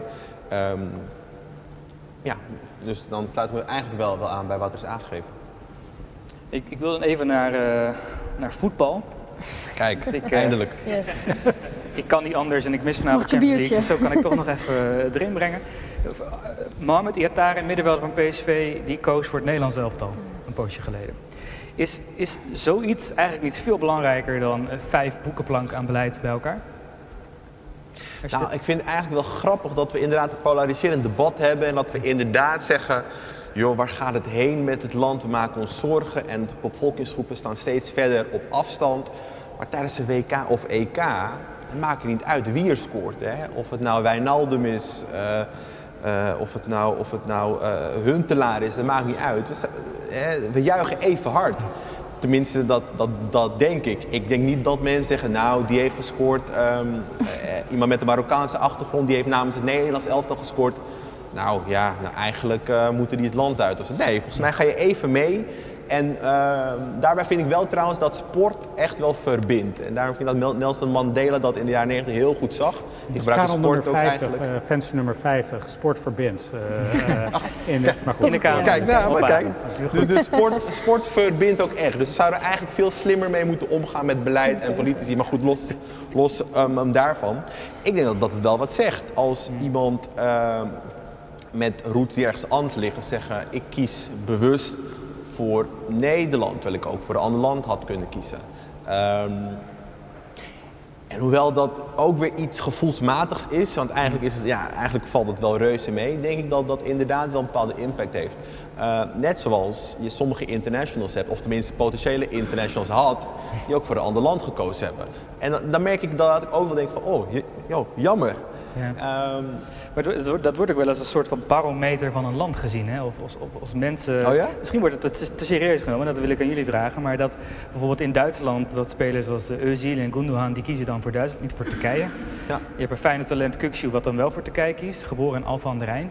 En daar komt altijd veel gedoe over. De een zegt. Uh, uh, ja, dat kan eigenlijk. Je bent in Alphen aan de Rijn geboren, zo speel je voor Turkije. En dan zegt men, het gaat dus blijkbaar niet, niet goed. Of mensen voelen zich niet thuis genoeg in, in Nederland om dan ja, toch maar voor dat is een hele enge, vind ik. Dat, dat, daar sla, dat slaat ook wel weer door van de andere kant dat het een soort loyaliteitsdiscussie is. Hmm. Hè? En daarin wordt denk ik ja, wordt burgerschap. verraad gebruikt ook. Ja, dus je, je, je identiteit, dus wat in mijn paspoort staat, mijn burgerschap, wordt verward met mijn culturele identiteit. En er wordt van je verlangd dat uh, je op het moment dat jij zegt nee, ik, ik ben, ik ben Peruaan, oh, dus dan ben je niet loyaal aan de Nederlandse staat. Daar wordt zeg maar verwacht dat dat één is, terwijl je gewoon ook een culturele identiteit mag hebben, vind ik, naast uh, je staatsburgerschap.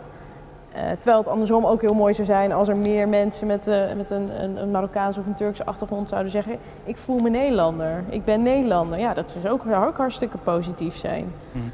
Alleen ik denk dat we wel te vaak te, te, te veel willen dat. Hè, dit is een soort overdreven focus op wat, wat zegt die loyaliteit dan precies.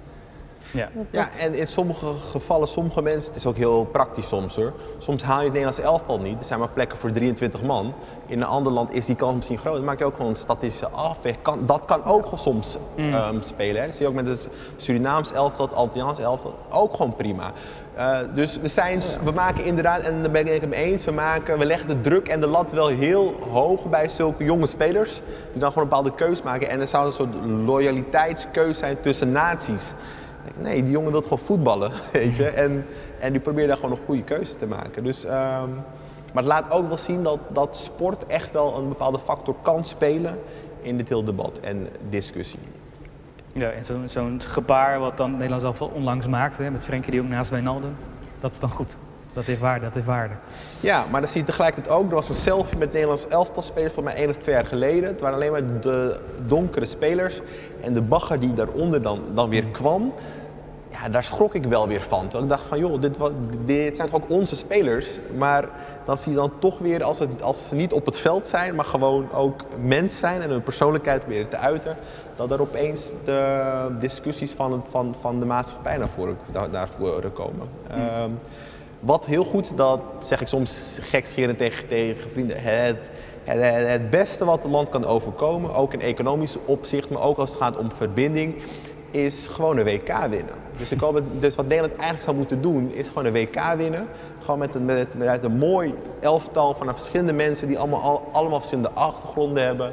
Dan lopen met z'n allen, hopelijk als het met corona voorbij is, gewoon de Polonaise met z'n allen over straat. Dat, dat, werkt, dat, werkt, dat werkt wel, wel echt. Dus uh, het wordt weer hoogste tijd. Een keer geen finale niet, verliezen. niet kunnen helpen, want daar zit ik dan wel over te denken, ben ik heel benieuwd hoe James daar naar kijkt, is dat je... Um, nou, een vriend van mij, Kisa Makadene, die heeft ook wel eens geschreven in een column van... Uh, misschien zouden migranten die het uh, inburgeringsexamen uh, hebben gehaald zich met meer recht Nederlander moeten noemen. Omdat zij zich tenminste de moeite hebben genomen om zich te verdiepen in de Nederlandse geschiedenis en cultuur en taal. En daar heel bewust een keuze hebben gemaakt voor het Nederlanderschap. Terwijl mensen die al in Nederland wonen nooit eigenlijk gedwongen hoeven na te denken over wat het Nederlanderschap betekent. En nou ja, dan in relatie tot nationale geschiedenis zou het op zich denk ik wel grappig zijn als iedereen, als we dan die gezamenlijke geschiedenis naar de kanon bijvoorbeeld uitkomt. Dat je zegt van nou ja, iedereen kiest voor een bepaalde uh, Nederlanderschap. Dus dat we dat staatsburgerschap, misschien ook wel in onderwijs, waar nu dus natuurlijk ook die discussie over is hoe we dat burgerschapsonderwijs vormgeven. Dat we dat wel weer actiever aanzetten. Nou, dan kom je ook wel weer op het stukje van de, hè, de nationale staat en de nationale identiteit. Hm. Zodat je wel iedereen die daar onderdeel van is, dus dat, huidskleur, welke huidskleur bij welke migrantverleden, je bent gewoon ook een Nederlandse staatsburger. En dat heeft een betekenis. Dat is een, daar ben je actief bewust van. Daar hoort, daar hoort iets bij. En ik denk dat dat ergens uh, ook een deel van de oplossing zou kunnen zijn. Dus het kan een deel van een probleem zijn, dat nationalisme. Maar of vanuit een ander licht bezien, zou het ook een deel van de oplossing kunnen zijn. Namelijk dat staatsburgerschap is ook iets wat ons kan verbinden. En het formuleren van zo'n van zo'n nationale geschiedenis. Ja, een van de dingen die wel opvallend is, is over Nederland, ook in vergelijking met andere Europese landen, is... Uh, uh, hoe uh, middelmatig, zo niet slecht, uh, burgerschapscursussen is en wat het betekent. En dus ook wel iets gevraagd eigenlijk voor inburgering. Dus Nederlanders eisen wat dan als het gaat om de inburgering, maar wat ze dan eigenlijk eisen van ingezetenen is daar wel veel lager. Nou, de overheid heeft natuurlijk geprobeerd samen met scholen om daar oplossingen voor te vinden de laatste jaren. Misschien dat het iets beter wordt. Uh, maar zoals altijd die vraag van ja, wat een robuuste notie van burgerschap uh, zou wel misschien kunnen helpen. En dat moet dan geen weer. Het gaat niet om dingen dichtspijkeren, zeggen nou uh, he, hele enge, enge identiteitsvorming als doel. Want dat moet je niet hebben. Maar wel kennis, waardering, inzicht over wat het betekent om Nederlander te zijn. Ik denk dat dat er wel iets is. En het biedt, en dat is denk ik jouw punt, het biedt juist nieuwe wegen aan uh, voor nieuwkomers die, dan, die er dan niet is als je daar heel bagatelliserend over doet. En, uh, dus ik denk dat het wel belangrijk is dat dat wel een wat sterkere, een sterkere vorm krijgt. Maar hoe? in Nederland is altijd, altijd voor decennia een groot probleem geweest. En dus ook als het gaat over kennis scoren Nederlanders vaak uh, onderaan. Uh, Nederlandse scholieren onderaan. Dus kennelijk doen ze toch wel beter in de Scandinavische staten en sommige onderdelen van Europa dan, uh, dan wat ze hier duidelijk bereiken. We kunnen niet heel makkelijk afkijken bij de buren. Hoe zij dat dan goed doen? Nou, ik denk dat het, nou ja, deels heeft het natuurlijk te maken met vrijheid van onderwijs in Nederland. Dat mm. burgerschap iets is dat elke school moet doen. Maar deels heeft er ook wel weer te maken met een soort van. En dat is ook, het dat is ook de charme van Nederland, dat die notie van nou, wie zijn wij, dat dat wel eigenlijk heel erg onbepaald is. Het is eigenlijk niet gearticuleerd, het is niet uitgedrukt. Uh, dus wat, wat is nou Nederlanderschap? Nou, en mensen kunnen wijzen naar bepaalde, naar tulpen of molens of uh, voetbal of haring of zo. Maar het is eigenlijk, uh, eigenlijk verder niet zo heel erg goed bepaald.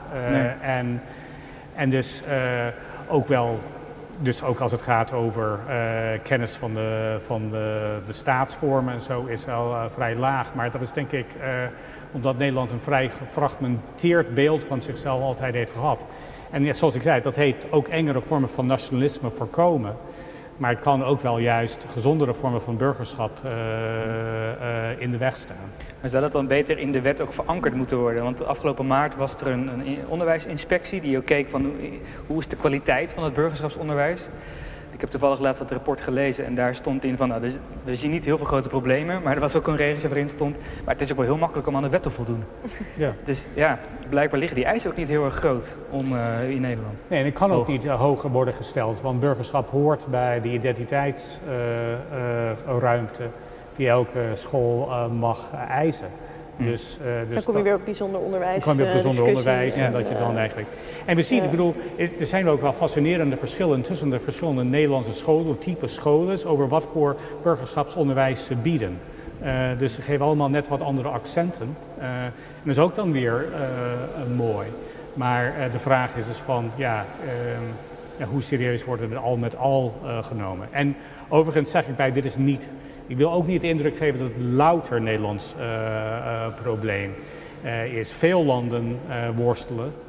veel landen worstelen met hoe vul je nou eigenlijk burgerschap hmm. in.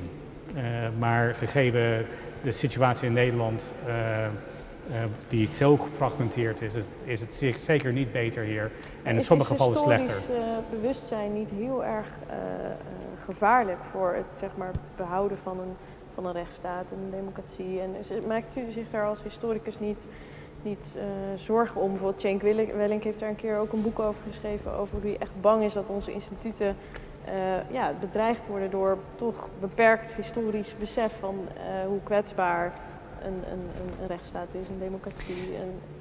Ik ben heel benieuwd hoe je als, nou, als, historicus daarnaar kijkt. Heel kort, ik bedoel, natuurlijk het gewicht van uh, het verleden is goed te kennen. Want als je dat niet weet, dan is uh, heel veel van wat wij nu doen niet goed uh, te begrijpen. Dus ik denk in die zin ook wel het staatsbestel kennen is heel erg belangrijk. Ik denk waar Cenk Willink vooral zich zorgen over maakte, is wat hij zag dan, maar dat kan ook wel, ook kan wel betrekking op dingen zoals diversiteitsbeleid. Maar dat, um, wat hij zegt is, is dat Nederlands ambtenarij in het algemeen amnesie heeft. Ik bedoel, het heeft gewoon heeft geheugenverlies over alle dingen die in de laatste jaren is gebeurd. Dus uh, ze gaan van vernieuwing tot vernieuwing zonder dat ze eigenlijk kennis hebben genomen van de dingen die in het verleden zijn gepoogd. Uh, en het is vooral dat in die vergetelheid of dat soort van, nou ja, over het verleden hoeven we niks te weten. Uh, het gaat over het nu. Nou, dat eigenlijk funest is voor uh, goed bestuur. Uh, je moet weten wat in het verleden heeft gespeeld. Je moet weten wat er in het, uh, wat is geprobeerd in het, in het, in het verleden. en dat is eigenlijk iets dat Nederlandse ambtenaren en Nederlandse politici kennelijk ook heel slecht in zijn. Hm. Dus daar is het yes. Ja, vanuit het uh, publiek om de vraag, die ligt al uh, best wel even en vanuit meerdere hoeken uh, ligt die. een heel ander instituut dat ook altijd wel een verbindende rol heeft gehad, is niet de sport, maar de religie. Um, hoe zien jullie de rol van religie toen, nu, en wat kan zij eventueel doen om ehm, ja, een positie in te nemen of te helpen aan, dat, aan die uitdaging? Um, een van de vraagstellers heeft, bijvoorbeeld, heeft het bijvoorbeeld ook over de schuldbeleid ten opzichte van de slavernij. Die werd eerst natuurlijk gedaan over, over uh, de holocaust, waar uh, de PKN onder andere zich actief mee heeft bezig gehouden. Maar kan religie nu nog inderdaad ook zo'n rol spelen en erkennen dat daar een probleem is, maar ook ehm, helpen aan een oplossing? Heeft zij die rol nog in een ogenschijnlijk geseculariseerd Nederland? Ja, nou ja, ik denk het wel. Ik denk dat religie uh, nog, een, nog een hele belangrijke factor en ook structureel onderschat wordt in dit land telkens over hoe sterk dat eigenlijk nog bindt. Uh, inderdaad, de, beleid, uh, de schuldbekentenis, beleidnis over, over de holocaust, dat heeft nog wat stof, stof op. Waar een aantal jaar geleden heeft de Raad van Kerken schuld betuigd voor de transatlantische slavernij en hun rol en aandeel daarin. Ik denk dat religie om meerdere redenen een hele belangrijke rol kan spelen. Allereerst omdat het je helpt om je mensbeeld uh, te definiëren. En bijvoorbeeld in het, in, in, eh, in, in het christendom is ieder gewoon geschapen in de evenbeeld van God. Dus iemand anders behandelen of als minder waardig zien is eigenlijk ook een aanklacht niet tegen de mens, maar tegen God. Um, en dat mensbeeld kan je op zich wel helpen om ook instituten te bouwen en ook persoonlijk om te gaan en je te verhouden tot de ander. Uh, ik ga ervan uit dat, dat, dat elke religie dat, dat dan uh, zo heeft, maar ik, ik heb het met name nu over het christendom. Uh, daarnaast, religie kan als, als, als, als organisatie, hè, als, als kerken, die, die, die, die zijn naast gebedshuizen, die hebben ook gewoon een hele belangrijke maatschappelijke rol voor heel veel mensen in heel veel leden binnen de kerk. Dus ook de kerk die kan laten zien die niet alleen vanaf een um, spreekstoel, maar ook vanuit de kerkenraad, hoe ze omgaan door de week, de diaconie, wat nou echte diversiteit is en hoe je dus ook een heel inclusief beleid daarin kan voeren. Wat ook de toon zet en een voorbeeld kan zijn voor niet alleen de kerkleden, maar ook met iedereen wie de kerkleden in contact komen, of de buurt of omgeving waar de kerk in uh, um, staat.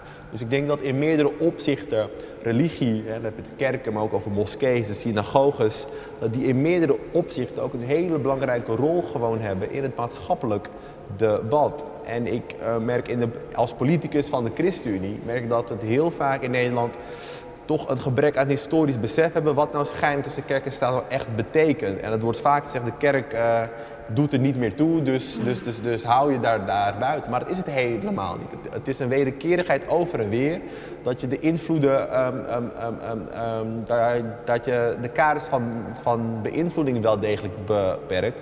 Maar het is...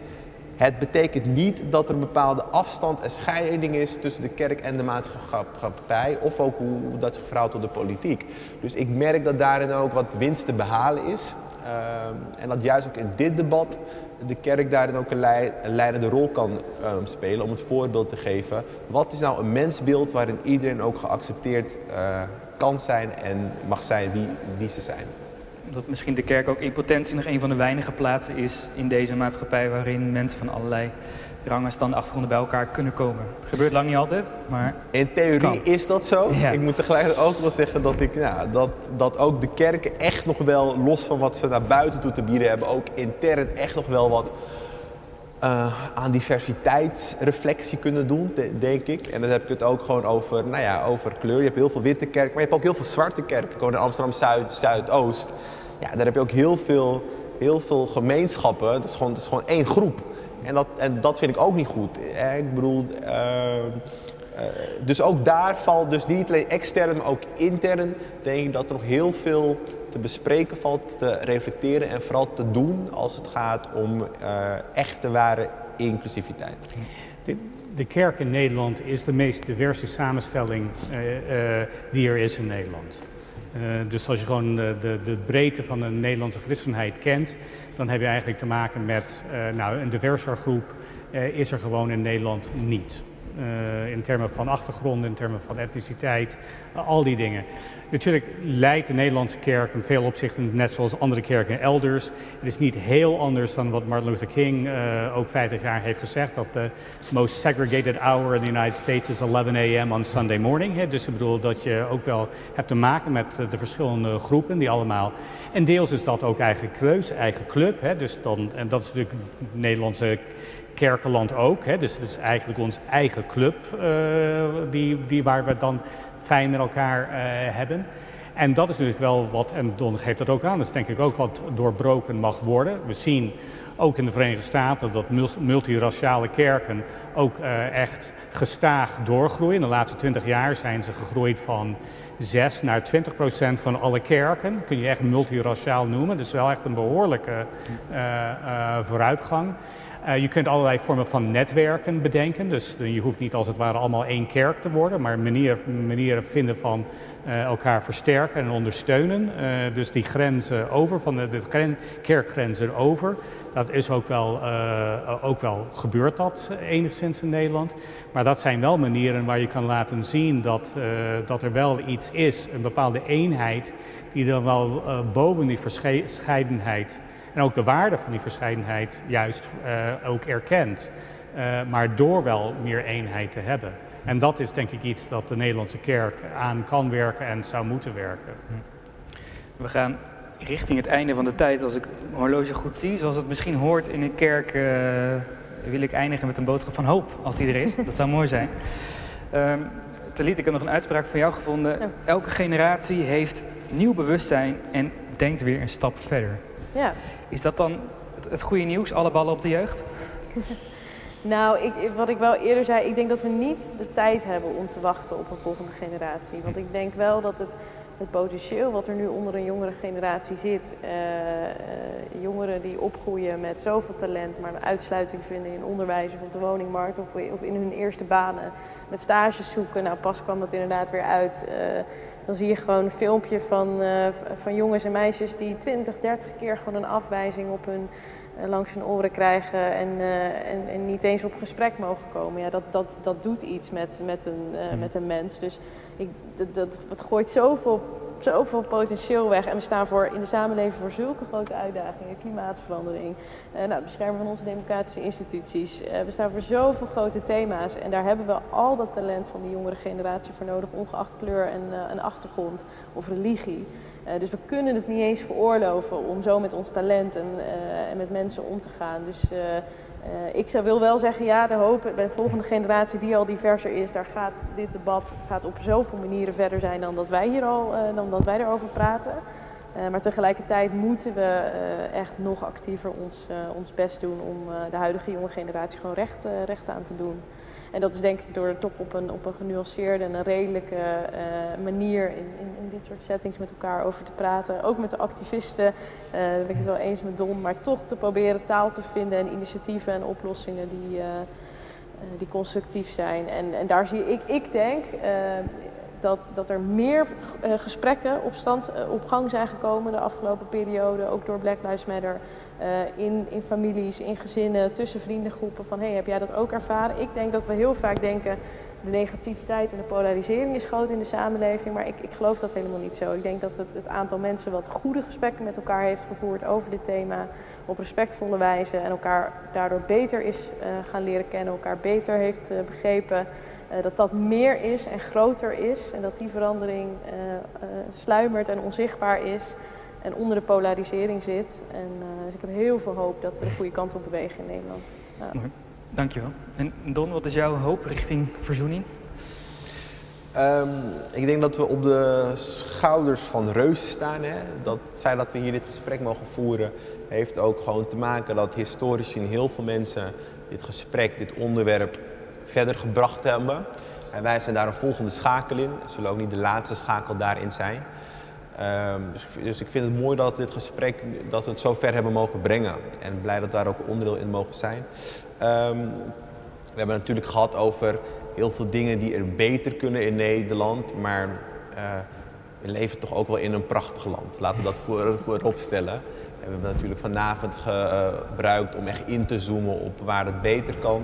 Maar ik, ik denk wel, om, terug naar het thema te keren, dat, dat, dat een bepaalde, een gepaste trots wel echt wel ook wel uh, iets is waarvan ik hoop dat we dat ook met z'n allen, hè, ongeacht wat, wat uh, welk verleden of achtergrond we als Nederlanders hebben, hebben, hebben en ook in een specifiek geval welke gemeenschappen, maar dat we toch trots op mogen zijn over hoe we omgaan met onze gedeelde toekomst samen. En dat is ook wel iets wat ik elkaar gun, mezelf ook gun. Dat, dat, we, dat we daar trots op mogen zijn. En, uh, en ook trots mogen zijn dat we dit, dit, gesprek ook openlijk kunnen voeren in het land, in alle vrijheid. Want dat is ook niet een vanzelfsprekendheid overal. Dus dat wil ik vooral ook meegeven en die ook, ook bemoedigen om, uh, om, uh, om ook dit weer over te um, dragen aan de volgende generatie. Talita wil dat het nu geregeld is, wil ik ook. Uh, tegelijkertijd denk ik dat er ook nog genoeg werk zal zijn voor de volgende generatie. En ik hoop daar een bijdrage aan te kunnen leveren. Mooi, dankjewel. Ja, ik denk een van de dingen waar ik uh, ook wel dankbaar voor ben en altijd hoopgevend is, is dat het gesprek hier wel altijd mogelijk is. Ik heb gedacht van een kanon uh, van de Amerikaanse geschiedenis is niet mogelijk, omdat de polarisatie daar zo groot is. Dus daar kun je niet eens een gesprek aan beginnen. Hmm. Dus dat het hier kan en ook dat de gesprekken zoals hier vanavond uh, ook wel kunnen. En dat talloze gesprekken in Nederland kan worden gevoerd zonder als het ware dat je de mond gesnoerd wordt of dat het, dat het eigenlijk helemaal verdwijnt in, in een schreeuwpartij. Dat is natuurlijk een van de mooie kanten van dit land en dat blijft een van de mooie kanten van dit land. Dus ik ben blij om hier te zijn. En het andere is denk ik van, een van de polarisatie veroor, veroorzaakt is, is dat mensen niet meer die, die oude gemeenschappen kennen. Uh, maar ook een van de mooie kanten daarvan is in plaats van als het ware in hun eigen hokjes te zitten, dat mensen eigenlijk op zoek zijn uh, naar verborgenheid in nieuwe manieren. Ook ze proberen elkaar te vinden, juist omdat ze meer kwetsbaar zijn dan voorheen. En dat kan ook wel nieuwe mogelijkheden bieden voor verzoening. En ik, ik, denk dat dat ook gaande is. Mooi, dankjewel. Dank jullie wel, alle drie, voor jullie bijdrage. Don Talita Mussen en James Kennedy. Ja, bedankt.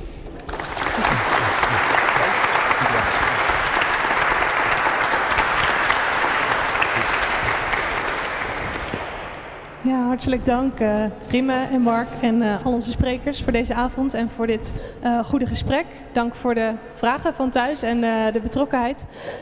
Um, om het gesprek voor te zetten wil ik u ook nog wijzen op um, Walk the Talk. En, um, we hebben een route kaart. Uh, rond de Utrechtse binnenstad een Black Heritage Tour. Dus mochten jullie nog met elkaar of met anderen hierover verder willen gaan en ook nog iets moois van de stad en iets meer van de geschiedenis leren, dan uh, verwijs ik jullie naar de website uh, van Via Jacobi of het Instagram-account. Um, een andere uh, mededeling is um, dat wij uh, deze debatten uh, graag en voor iedereen toegankelijk organiseren. en dat, het daarom, dat we daarom ook geen toegang vragen, maar dat het wel fijn is dat mocht u een bijdrage willen geven, dat dat kan. Um, in beeld is een QR-code en jullie kunnen ook via Eventbrite ontvangen jullie nog de link om eventueel een bijdrage van 5 euro per persoon zou ons al heel veel daarbij helpen.